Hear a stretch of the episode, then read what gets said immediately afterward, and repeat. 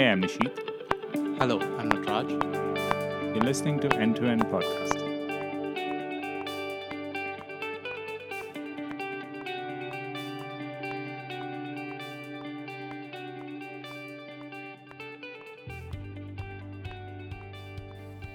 I know we haven't talked in a while because I've been on the road. The biggest thing that happened while I was on the road is Disney launched its new streaming service, Disney Plus. And after a day, they announced that they had 10 million subscribers on the first day of launch. That's such an incredible story already. Did you sign up for Disney? Yeah, it's been a while since we got together uh, to record a podcast. Uh, and there have been some exciting events happening in the entertainment media business. Uh, Disney Plus.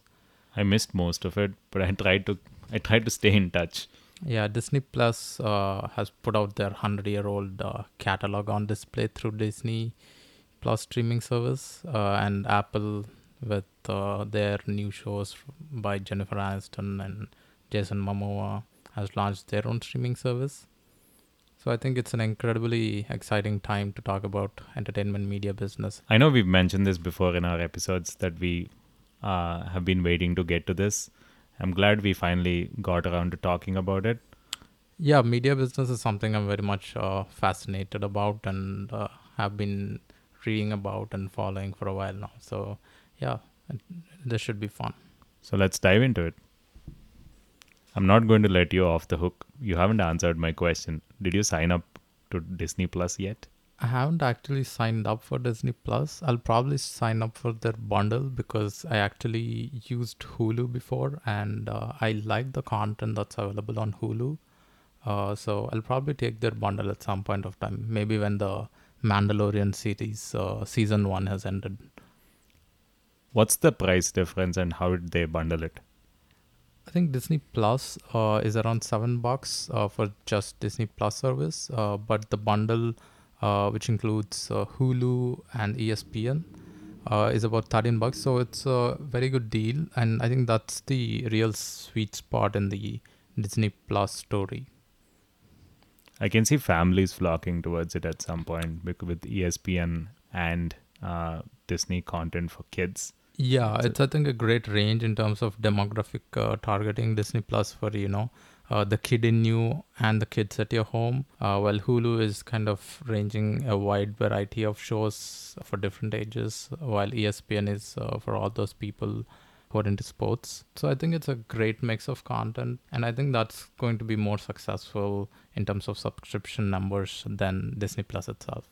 I actually signed up to ESPN Plus last month. I don't know if you've if I told you about this, but they had this like weird uh, Manchester United game was being streamed where no it was available nowhere else. So mm-hmm. it kind of forced me to sign up for ESPN Plus and I still kept it. I guess the exclusive content licensing still works. At some level, clearly. Yeah. So based on your based on the amount of time you spend on Twitter and the reactions you've seen there, uh, what's been the response so far? Uh, I haven't seen a ton of uh, Disney Plus talk, but I think, I mean, Star Wars is such a huge brand, and uh, Disney is obviously good at uh, exploring and you know exploiting the great brands that they own, and uh, they've done it again. It seems like, I mean, there are mixed views, right? If you are into Star Wars universe, you will love Mandalorian, and I think that's the reaction we are seeing, and I think that's been the the most hyped up show in the Disney Plus launch. So yeah, I mean, if you're into Star Wars, I think the Mandalorian is a great show. Supposedly, I haven't watched it, so uh, I think it it's overwhelmingly positive. I would say because I don't think any other streaming service has garnered or could garner 10 million subscriptions on day one. Uh, it's no small feat. Do they? I'm just curious. Do they have any content which is not their own, or is it all owned and owned content that's out there in the platform currently? I don't think there's any licensed content. I think it's pretty much everything that Disney owns. I think there's some shows which are not present that Disney owns, and that is because of the licensing deals these old media companies have gone into with new media companies like Hulu and Netflix. So some of the Marvel movies you might still not uh, see in Disney Plus, and some of the Star Wars movies also you might not see in Disney Plus, and these are because of the licensing uh, deals that they've made uh, in the previous years when they thought this this licensing could be a huge uh, revenue for them. What are the other subscription services that you pay for, and more importantly, are there any particular ones you take your friend's password and use it? And also, like, take that uh, and explain a little bit about what are the different players that are there in the market and what does it look like the one stop shop for all my subscription needs is HBO. Uh, I'm a huge fan of HBO, and a lot of the shows. Uh, I think H- HBO is like a quality gate in terms of if you consider all the streaming services. Yeah, I love Succession. I Yeah. wanted to give a quick cheap plug-in, but it's an incredible show. Yeah, so right now the only subscription that I'm actually paying for is HBO, and I'm guilty of sharing passwords uh, with other friends uh, for different uh, streaming services, which include uh, Amazon Prime and uh, Netflix.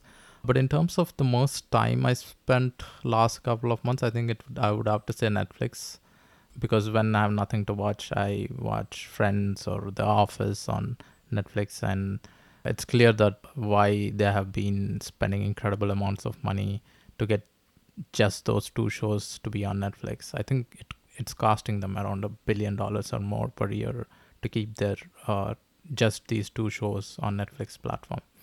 But uh, if you just start to look around, uh, what are all the streaming services that exist out there?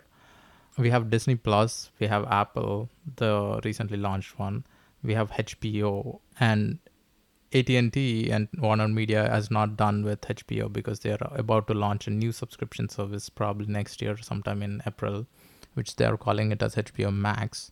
Uh, so there's that uh, coming, which will include more of the uh, Warner Media owned content, which might also include content from CNN and uh, other stuff that uh, Warner Media owns. And there's Showtime and uh, the CBS All Access, there's BET, and there's Hulu, obviously. I think there are about uh, 8 to 10 currently major streaming services, while there are still a couple of them yet to launch. And there's another video service which is uh, being launched by ex Disney chairman. It's called Quibi. Uh, it's a collaboration between ex HP CEO Meg Whitman and uh, ex chairman of Disney. So we don't know what that product is going to be about. It's supposed to be a millennial focused uh, short form video streaming service. So we have to see how that's going to play out. But uh, considering what have been launched and what are about to launch, I think you would end up somewhere between 12 or 15 streaming services.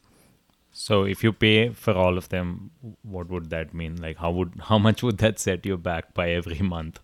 I guess you're looking at somewhere around 100 to 150 bucks per each month. So, I mean, uh, I think what Disney did in terms of bundling their three services is, is a pattern that we are going to see. And uh, we already see that in terms of uh, what your telecommunication services are offering. Like Verizon is offering, uh, I think, uh, uh, free Netflix, and you know there there there will be some kind of bundling. So I think we have seen the unbundling of the bundle. Now we'll again see a bundling of uh, the bundle again. So we'll end up probably after like four or five years a sixty buck bundle which has I don't know like eight streaming services. So you think there's going to be an opportunity for partnership with companies? Yeah, for sure. I mean, if you look at the stack ownership, right? Like Time Warner owns HBO now. So th- that kind of ownership structures, if you start looking at each individual media company, you will start to realize the synergies between these different uh, streaming services, and those synergies will get only stronger, and that will lead to more of these uh, bundle formations. I I don't know about choice, but there's too much choice also leads to confusion. So I'm I'm probably waiting for some bundles to emerge so that I don't have to remember my passwords for so many different services. Yeah, I guess there would be some solution, right? Uh, even to solve those, uh, you know, how do you help customers uh, navigate through this incredibly populated services?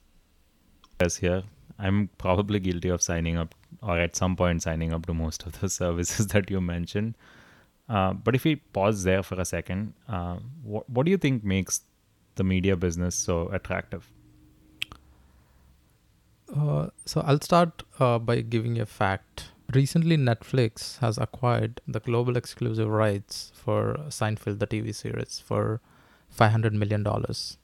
Seinfeld was originally aired in 1989, and three decades after that, Netflix is paying Seinfeld $500 million uh, as a licensing fee. So, what does this tell us about media as a product? And this is one of the core strengths of why media as a business is so attractive. It's because of its nature that you produce the product that is media content only once, but theoretically you can sell it to your consumers forever. This timeless aspect of the media as a product is what it makes it so powerful. So Seinfeld and the co-creators of Seinfeld, Jerry Seinfeld and Larry David, had nothing to do in the last 10 years to get this $500 million deal. They haven't worked uh, on its edit or on changing its music or changing some scenes, or they haven't written any new content for the Seinfeld TV series. And if you just go back five years, in 2015, Hulu paid around $130 million for the almost exact same deal that Netflix is paying starting from 2021. So, in this last four years, nothing has been done on Seinfeld as a series, but its value is technically now five times what it was uh, five years or four, four years back. Uh, the whole media business becomes attractive just because of this one reason, because of the timelessness, and the timelessness bring uh, brings in an aspect of leverage that you would uh, see in only few products. One is media product and next we can talk about code and that's why why you see all the saas companies have huge margins because the repeatability aspect in consumption of the product without any degradation in its quality is what makes the media product so damn powerful like if you start selling any other product let's say you're selling uh, an automobile or any other physical product you can only make technically one sale with the consumer. So there's a one-on-one relationship with product and the consumer. But in media, as a business, there's a one-to infinite uh, relationship. So for any product that you can create, it's not only infinite customers, but it's forever. Maybe the distribution model might change. Maybe you would show it on a television previously when this uh, show first aired, but now maybe you will give it to a streaming service in a fa- in a form of a digital file.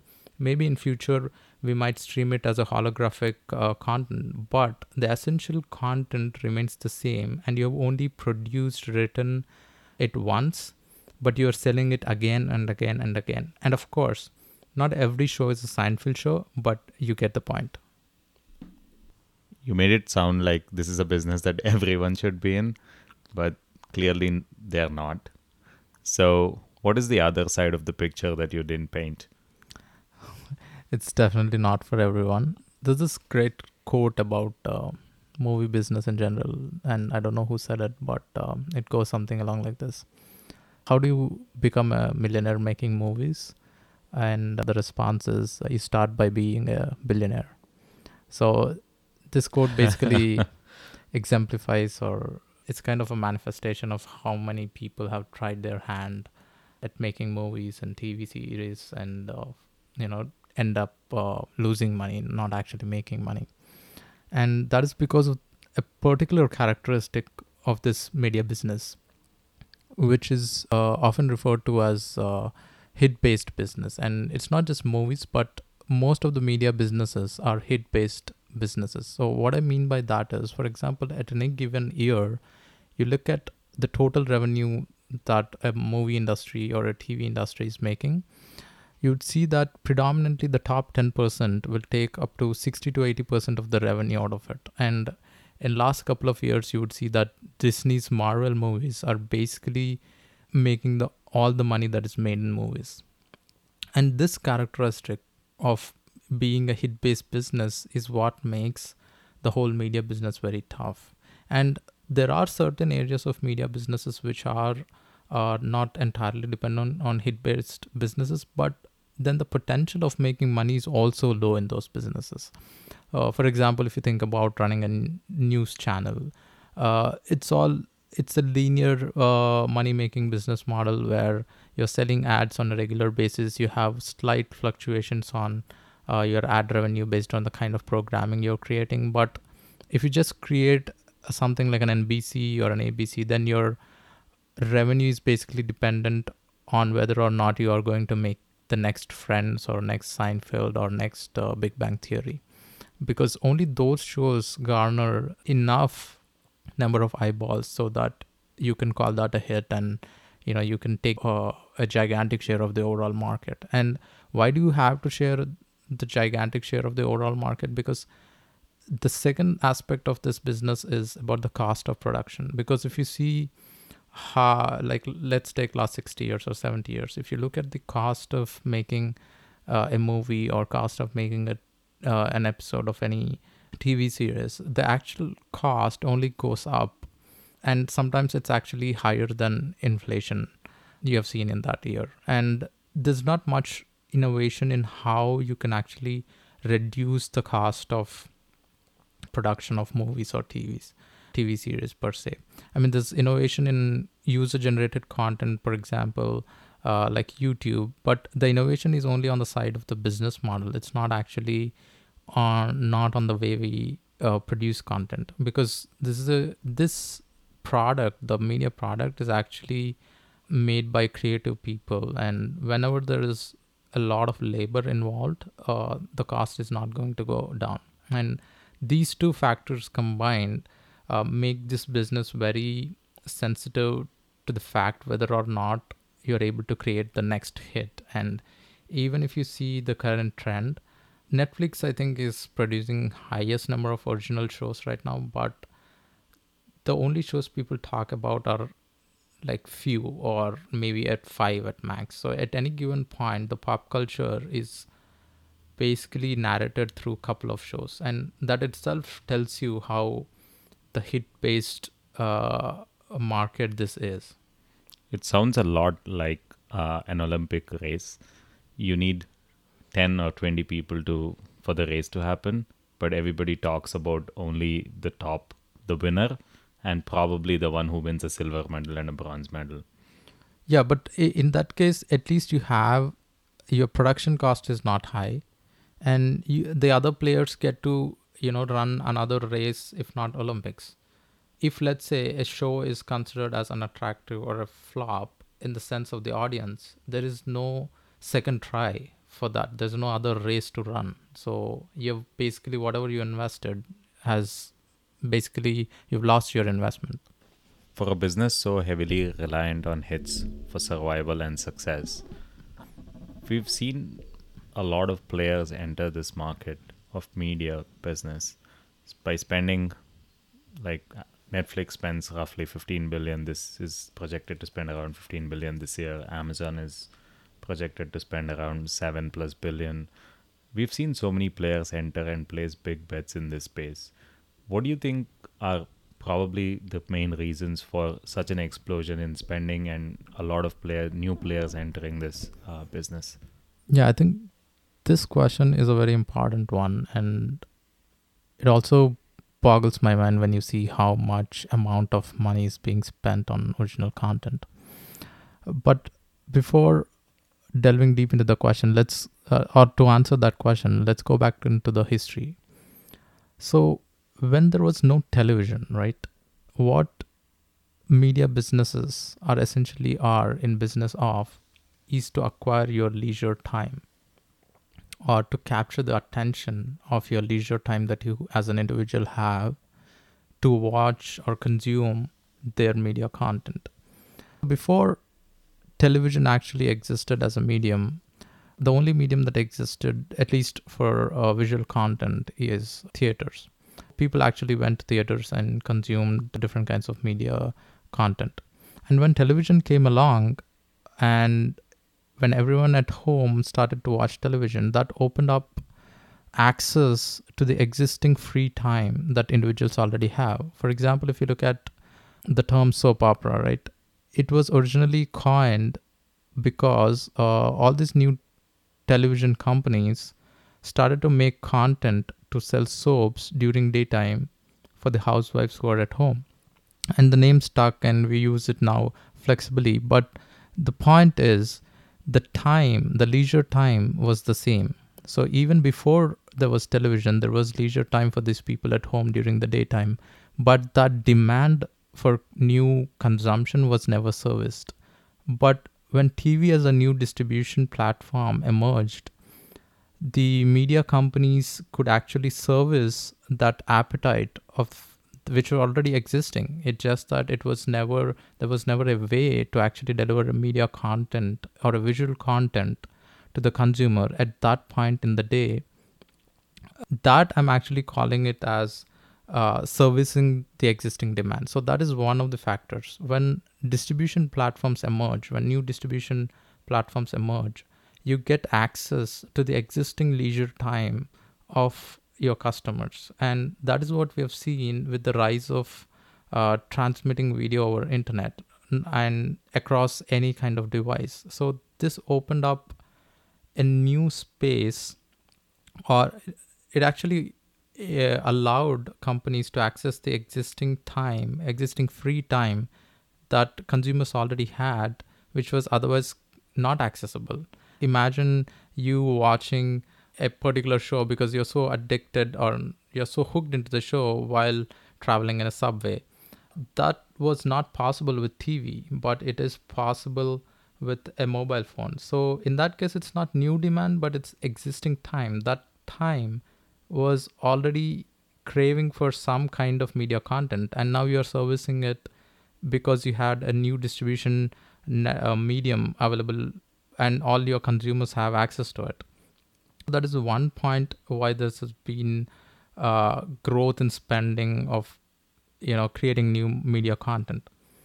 Another point is if you think about our food episode, we've talked about how the market actually expanded when the price of food delivery decreased and we called it uh, uh, price elasticity of demand here what happened is it's called distribution elasticity of demand because when you made your product available everywhere and every time accessible what happens is th- there's a new demand created. Like for example you would not have uh, thought about hey i'm going on this uh, long trip on a flight for 10 hours so i should you know download a couple of shows on netflix. So this complete new scenario which was otherwise unthinkable now opened up this expansion of demand also happened because of this new distribution that we are calling as you know streaming services or over the internet services.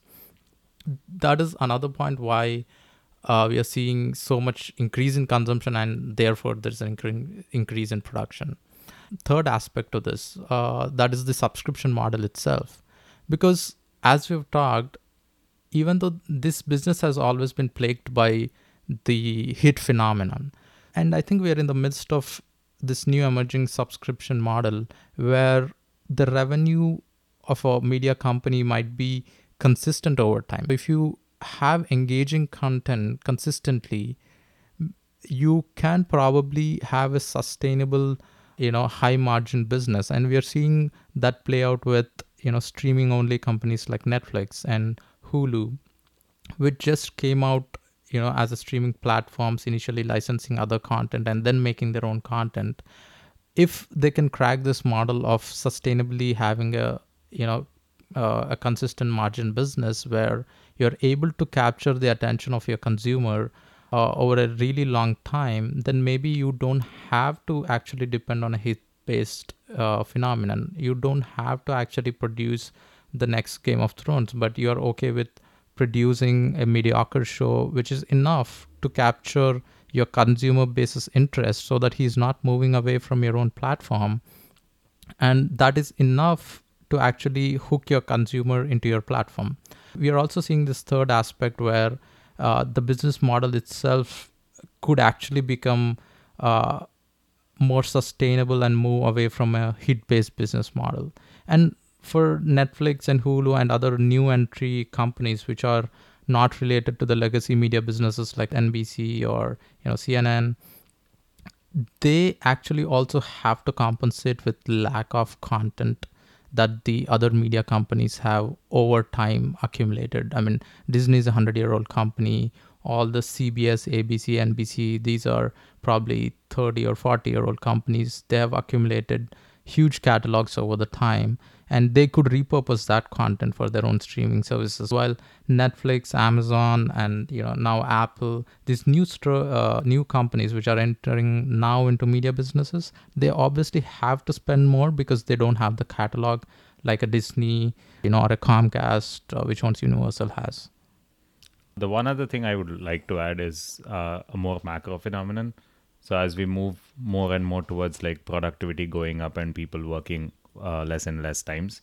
I think the phenomenon that we're seeing of uh, five day work week was not the same. If you look at uh, 200 years back, it was probably a six day week and seven day work week, but it's gone down.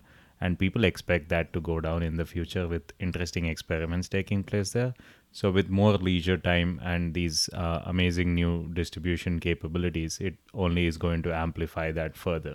Yeah. Uh, and that demand is going to increase as and when we have more and more leisure time. For example if you have self-driving cars what will you do while you're you know doing nothing in the car? You probably might consume a tv show if the self-driving car actually becomes a reality.